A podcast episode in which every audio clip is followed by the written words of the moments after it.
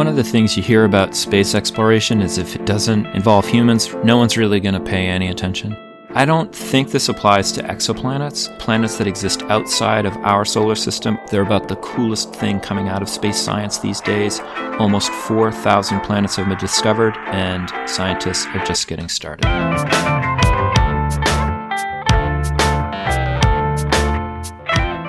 It's time to eat the dogs. I'm Michael Robinson. Today, I speak with exoplanet scientist Hannah Wakeford, Giacconi Fellow at the Space Telescope Science Institute. Wakeford's also served as a NASA postdoc research fellow at NASA's Goddard Space Flight Center and at the University of Exeter as a research fellow. She's also the co host of a really cool exoplanet podcast called Exocast. Hannah Wakeford, thank you for talking with me today. Not a problem. Could you tell me what an exoplanet is? Uh, an exoplanet is a planet that orbits a star other than the sun. So we see lots of stars in the night sky if we're lucky to get away from the light pollution. And we're looking for planets, exoplanets, that orbit those stars. When did it become possible to actually detect these planets? Uh, so the theory of looking for exoplanets has been around since the 1600s. And even before that, in Greek philosophy, it was thought that these planets, planets that orbit other stars, might exist. And the first kind of false detections, as we call them, so claims of a planet being observed but not actually happening, happened in the 40s. Considering exoplanets themselves, the first discovery was actually in the early 90s. So, in the scientific literature, we have claims of exoplanets being observed that are 150 years old now. And the actual confirmation of those planets didn't happen until the 90s. So this is a really new field that we're we're working in and since the 90s thousands have been discovered and that's thanks to huge amounts of efforts from scientific teams all over this planet. It seems that there are a number of different instruments that you're using to detect these planets. Could you talk a little about the different techniques? So there are lots of different techniques that we use to look for exoplanets. Those first exoplanets were discovered using something called radial velocity. Now, what this is doing is looking at that star's light and, and trying to see the pull that planet has on the star. So as a planet orbits, it's going to pull on that star and cause it to move. And what we're looking for in that starlight is a shift in the spectral features of the star. So, stars contain different elements, and each element has a spectral feature that is unique in color and in wavelength. So, if we look at those different features and see them moving towards us and away from us, we can infer or determine that there is something pulling on that star. And if it's pulling on that star in a characteristic way, uh, making like a sine curve, making like a wave, a consistent wave, then we can determine the size of that object pulling on the star and determine the mass of it. And from that, we can work out whether it's a planet that's pulling on that star. To me, that sounds a little bit like um, the Doppler effect, right? So if, that is if- exactly what it is. It's the same thing as a sign running past your window. It's the the light, the the shift of um, the waves moving towards you and away from you. And then there's direct imaging as well, and and uh, spectral imaging. Can you talk about those at all? Yeah, so direct imaging is where we're taking an image of the star, but we're actually blocking out that star's light. Stars are incredibly bright compared to a planet. So we need to block out that star's light, and we use something called a coronagraph, which is what we use when we're looking at the atmosphere of our sun. So if we block out the sun's light, we can see the streaming atmosphere because we got this really nice contrast. So we're really upping the contrast, is what we're doing by blocking out that star. And with direct imaging, we're looking for the light directly from those planets that orbit it.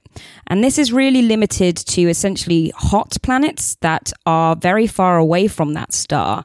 And that means that they're normally very, very young because younger and more massive planets will be giving off more of their own heat. So that's what direct imaging is very much uh, limited to at the moment. But that technology is really pushing forward right now. So as I listened to your podcast, which I which I loved, it's called Exocast. You guys all talk about, you and your two other co hosts talk about these different techniques.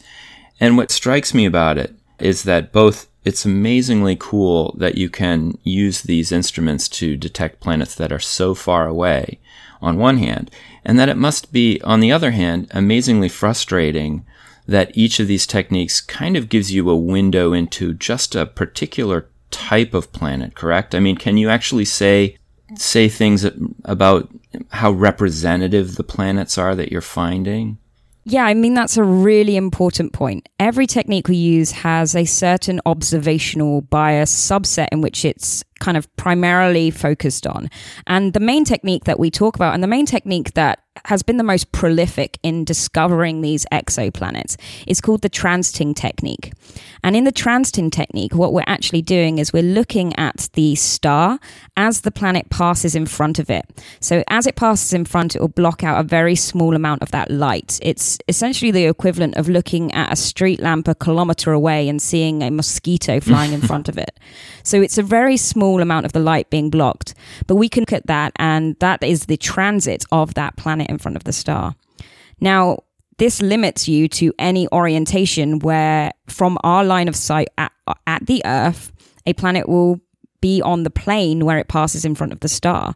That's a very small amount. In fact, about 10% of planets will be in that orientation where we might just see it. And that depends on the size of the star, the distance of the planet from that star, and the size of the planet itself. So there's a number of things uh, that are going to affect that, as well as the inclination. So that technique has its biases as well. But at the moment, it has been able to find the most widespread types of planets. And that's thanks to a mission called Kepler from NASA. And that Kepler mission actually stared at a very small portion of the sky, but 150,000 stars. And it stared at them for three years, looking for these transit events.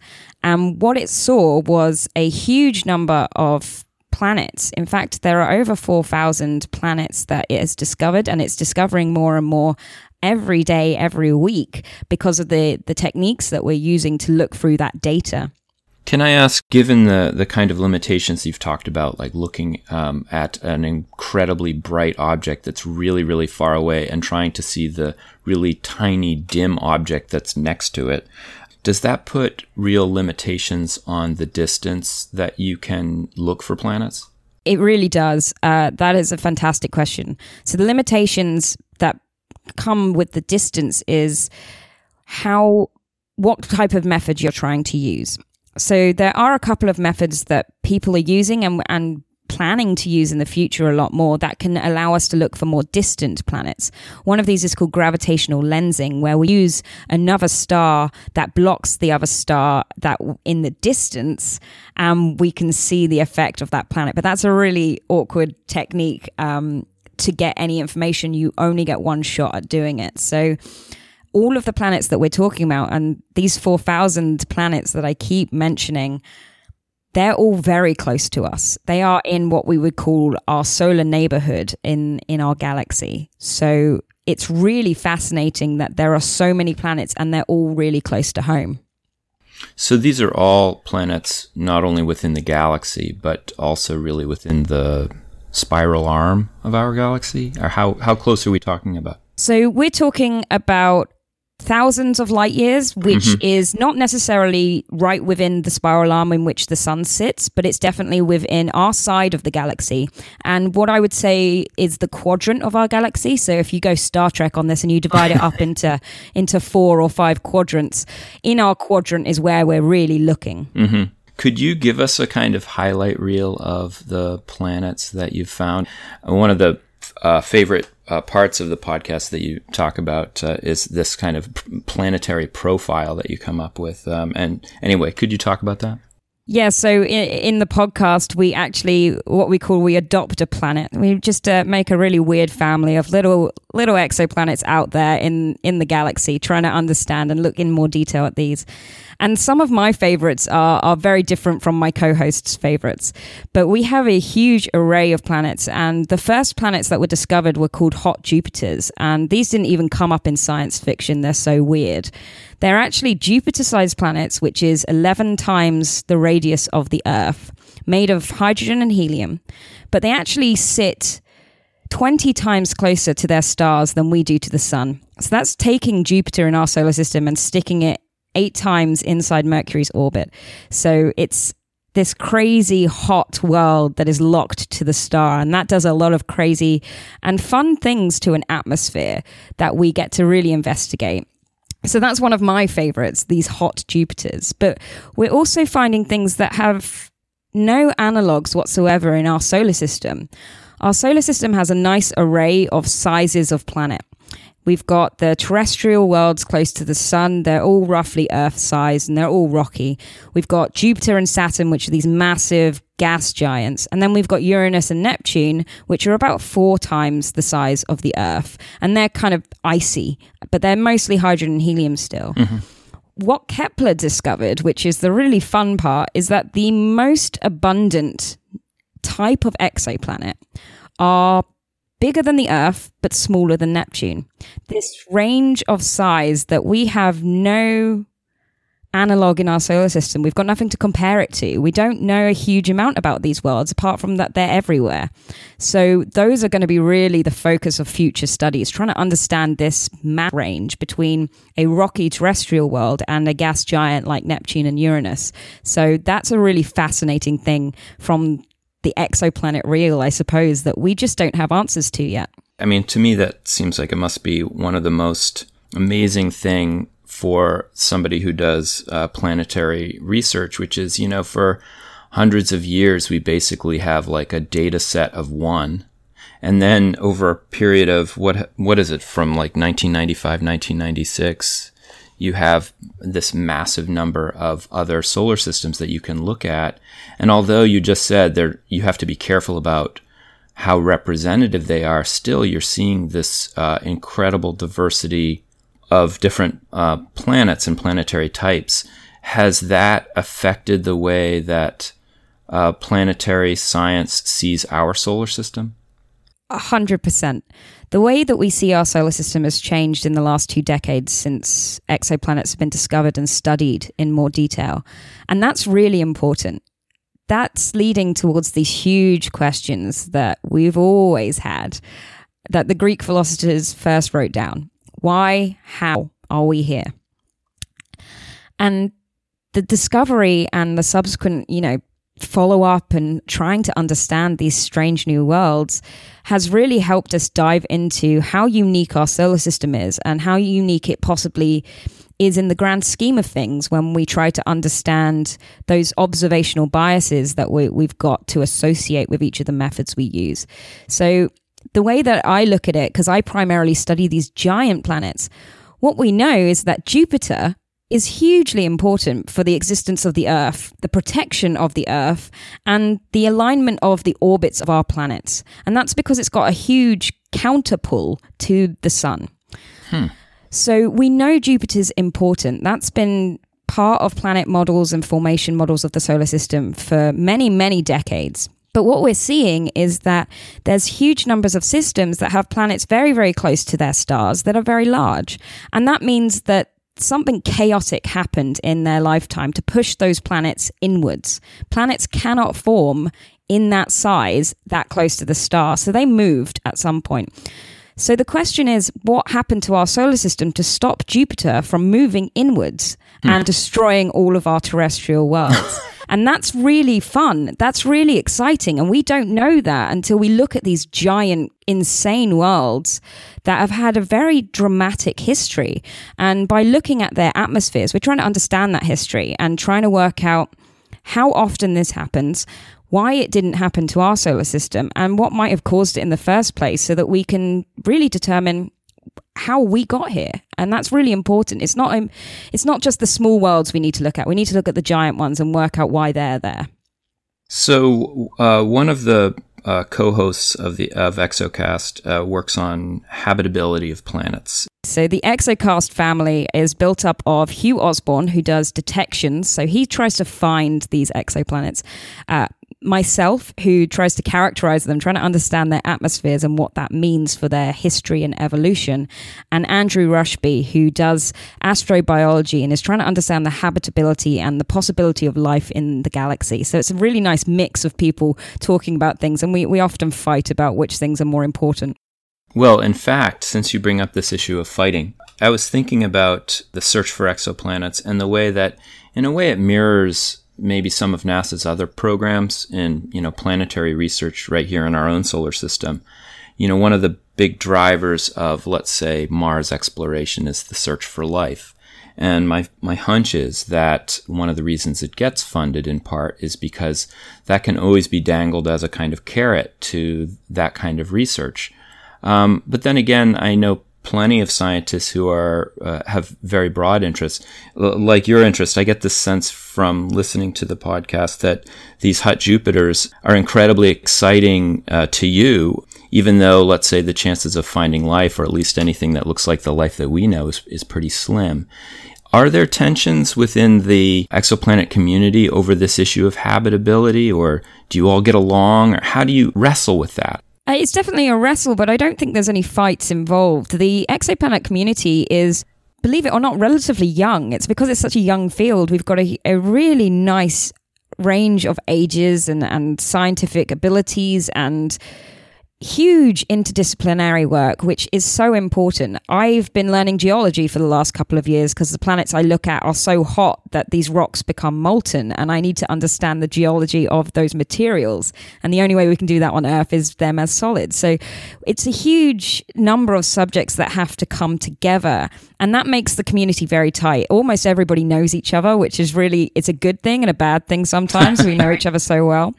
Um, but there is this question of habitability, and as I said, that's been that's been centuries, that's been millennia in the making for humankind, and those questions are massive. At some point, we're all asking those, and how can we work out that answer? But the way we approach that that question is going to be different, and that's a good thing. I approach that question of how can we make a Jupiter? How can we keep it there? What happened to these chaotic systems to make them that way? How often does that happen? And therefore, how can we create a system where an Earth can exist? And that's a really important question, as well as if we find a small terrestrial planet, and we found a couple of these in the habitable zone. So, this temperate region around a star where liquid water could exist if that planet had a surface. And that's that's a really important thing to be looking for. We need to try and understand what those planets are like as well. But we have to understand that the solar system is a system. It's not an individual thing. It consists of a star. It consists of eight planets, two asteroid belts, a Kuiper belt, and an Oort cloud there's a huge amount of comments that come in from all over the place. It is a system of many different things that formed from a disk of material. We need to understand that system from start to finish. And we need to look at a huge number of situations and understand a huge number of planets to do that. So while I do believe it does come back to the question of how, why are we here? It really needs to be approached from multiple angles. Hmm. Yeah, I, I think I figured out what you need to be a good exoplanet scientist. You you just have to know everything, right? I mean, uh, it's helpful, but it's also exhausting. I mean, you're trained um, in physics, your degree is in physics, but you're also studying geology. And then I know from your work on atmospheres that you've probably become a climate scientist in the course of your work. To do this astrobiology, I'm, I'm sure you have to probably do biochemistry as well. I mean, it just, it's kind of incredible what kind of supplementary fields you guys must be learning about all the time yeah, every single day you learn something new, and I find that incredibly exciting. I've uh, I don't think I've ever wanted to leave school, so even though I, uh, you know, working now and and doing lots of uh, things, um, it's always learning, and it's always different, and it's always interesting. So it's it, even instrumentation I've been having to learn as well because obviously we, we're observing these planets. So it comes down to absolutely everything. It just, you know your limits. Uh, I know my limits. Don't put me in a lab. I'll break things. But uh, I can, I can look at the data that we get from the Hubble Space Telescope, and we're trying to learn right now how to use the James Webb Space Telescope, which will launch in 2018. And you have to understand the instruments so that you can understand the data you get. So you do have to delve into lots of different pockets of information. I was thinking, you know, a lot of your work does seem to have these applications back to Earth science. I would imagine that when you're looking at these really young worlds that are in the process of formation, you're probably hoping to get uh, information that might tell us about our own history on, on Earth. Is that is that correct? Yeah, so there are some scientists, and Andrew is, is one of these as well, who's looking at Earth's history. Um, we've got it right under our feet. We can use that to try and understand the evolution of our planet. And we know that the evolution of our planet changed uh, in the Archean period from methane based mm-hmm. life to oxygen and water based life. So we're trying to understand that transition and how that looks in an atmosphere because the information we're getting from these planets when we're when we're doing the transiting technique is the starlight that shines through that atmosphere before mm-hmm. it reaches the telescope. And imprinted on that light we can see these fingerprints of the molecules what we're looking for is something to describe a biological process in that planet. And that has to have an effect on the atmosphere. So, methane is going to have a big effect on the atmosphere, and methane based life is going to be different and will look different than oxygen based life. So, we need to understand the Earth's history, the timelines for all of this, so that we can really know what we're looking at out there. So, when you bring back these studies and communicate them through scientific journals, I would imagine you're trying to communicate with people who are doing, you know, earthbound geology or the history of geology. And do you feel like there's a conversation going on or is it uh, is it more difficult than that? The, re- the reason I'm asking this is because I know that within other disciplines that um, end up being interdisciplinary, uh, sometimes it's tough to bring information in, like, for example, in um, paleontology. Within paleontology, you have the fossil diggers who were trying to, to date, let's say, uh, fossils based upon strata. And then you have radiocarbon people coming in from a really totally different discipline in the 1960s, early 1970s, and saying, you know, um, we have different data here. It shows us something else. And for a while, there was a kind of cold war between these communities. Is that the kind of thing that uh, happens with you because it's so interdisciplinary, or do you feel like people are listening to exoplanet scientists and integrating that work into their fields? There's certainly a lot of effort in both the solar system, earth sciences, and astrophysics community for exoplanets to really bring these communities together. There's a lot of conferences where we really try to make sure that balance is there so that we can listen to each other. It is a difficult thing to do, uh, and conferences are by far the most efficient way to do that. Every put everybody in the same place and see what happens. But there has been a lot of confusion confusion in the past about terminology. The words that we use in exoplanet science we borrow from other communities and if we borrow them from a slightly different community from what other people are looking at it it can get muddled. So you really have to define every word you use every time you're writing a paper. For one example the word cloud and haze. In the Earth's atmosphere, that means a completely different thing to Jupiter's atmosphere, to Titan's atmosphere, which is a moon of Saturn. Titan has a lot of haze in its atmosphere, but that's got a very specific definition. And we're using those terms for exoplanets from this remote data that we're getting. It's indirect. And we're using these words to describe what we're seeing because what we're seeing has similarities, but is not exactly the same origin as those 2 uh-huh. words that are used here on Earth and on Titan. So we have to really define all of these words in our papers, in everything we do, if we're giving a talk, make sure that we're saying, we mean this by this word. And that's happened in a number of different things in exoplanets, where exoplanets are trying to describe these alien planets, trying to describe these alien atmospheres which are in situations we just don't have analogs to. So there is a, there is confusion, but the communities are really trying to push together and try and understand these. Obviously, we're coming at those questions again, as I said before, from very different angles. So it it, it is a bit of a battle to try and yeah. bring those together. You know, um, interdisciplinarity is, uh, you know, within the within the university, it's such a warm, fuzzy word like dolphin and koala bear. Um, and yet, uh, it's really hard to do, isn't it, in practice, because you come up against communities I think it's a great example that you just give of terminology where how do we know that you're part of the same tribe? You use terms in the same way. And then you come in and you start using a term in a slightly different way. And it's, and it's, uh, suddenly people look at it in a, you know, with, with some kind of suspicion. I wonder uh, if there's a certain kind of person that's pulled towards exoplanets within the physics community. I'm not sure I can speak to that. Um, I was pulled towards exoplanets because I loved science fiction growing up and I wanted to find out. I mean, I, de- I decided when I was very young that I wanted to do all of the things. Um, uh, I wanted to be, you know, a marine biologist. I wanted to be an Egyptologist. I wanted to study planets and stars and galaxies and black holes. And I just wanted to do absolutely everything. And I, I kind of fell into space science by trying to understand our own atmosphere, trying to understand the interaction between the sun and the earth how how does a whole solar system fit together and interact with each other and mm-hmm. i found that really fascinating and interesting that the earth is sitting inside two atmospheres. What does that even mean? How does that even work? We're sitting inside the sun's atmosphere inside the earth's atmosphere.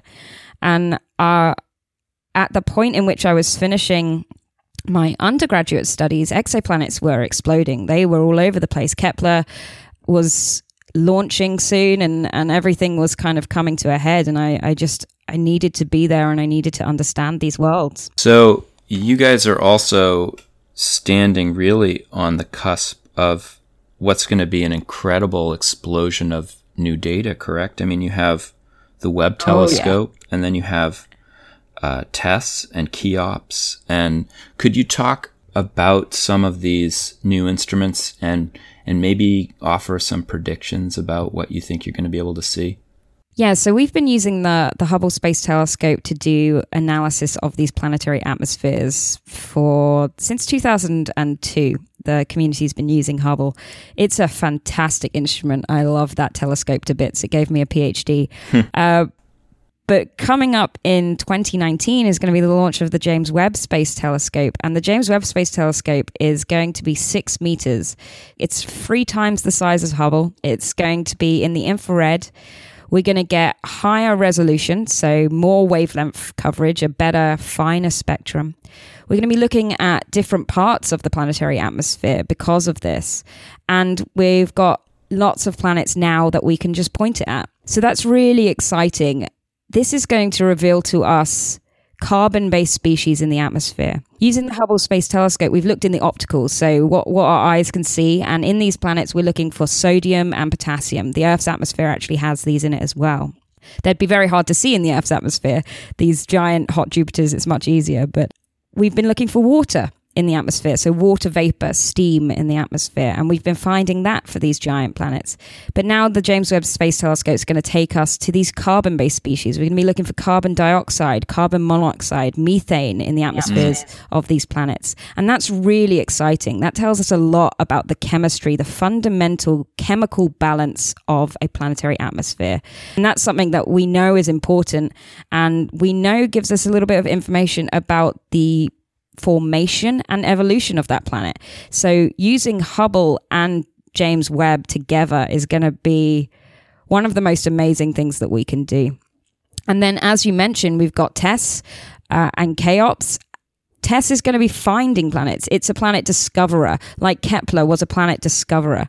But TESS is going to be looking at the brightest stars and the closest stars to us so that they're much easier for us to get this atmospheric follow up on. And that's really important because a lot of the Kepler stars have given us huge amounts of information about statistics and the probability of a planet existing. But they're too far away and they're around stars that are a little bit too faint for us to do any investigations into their atmospheres.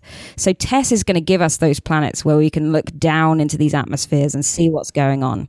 And then CHEOPS is going to be doing follow up, and that's a European mission for, for people who don't know. And that's going to be doing follow up on hundreds of planets, doing this spectroscopic light filtered through the atmosphere investigation and, and trying to see what these planets are made of. So we've got a as you said, it's coming to a head. We're, we're going to be filled with data.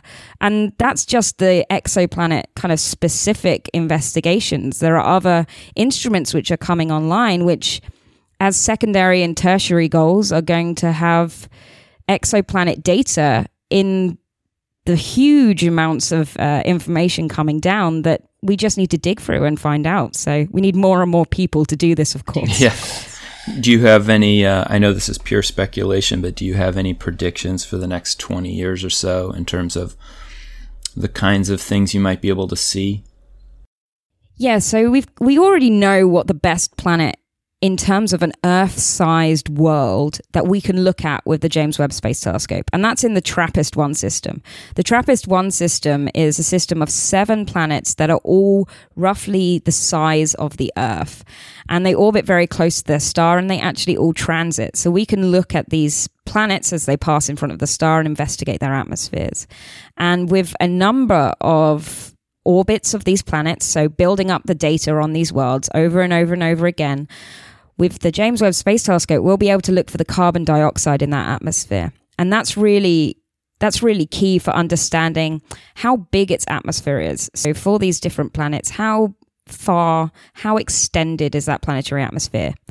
Uh, and that will tell us the difference between something like a Neptune and something like a Venus or an Earth unfortunately, from a distance, Venus and Earth uh, are very similar. So I'm not sure we'll get much further than that with the James Webb Space Telescope, but we certainly will be able to understand what is called the scale height of the atmosphere, which is the extent. Uh, that you have of an atmosphere. The Earth's scale height is about eight kilometers, Jupiter's is about 90. So it tells you really how extended an atmosphere is, and that's something we just don't know about these Earth sized worlds yet. Hannah Wakeford, thank you for talking with me today. Thank you. That's our show for today.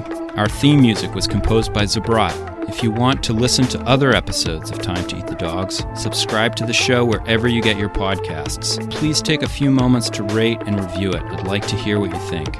If you have an idea for a guest or you just want to get in touch, email me at time to eat the dogs, that's one word, lowercase, at gmail.com. You can also find episodes, links, blog posts, and a lot of exploration related stuff at timetoeatthedogs.com.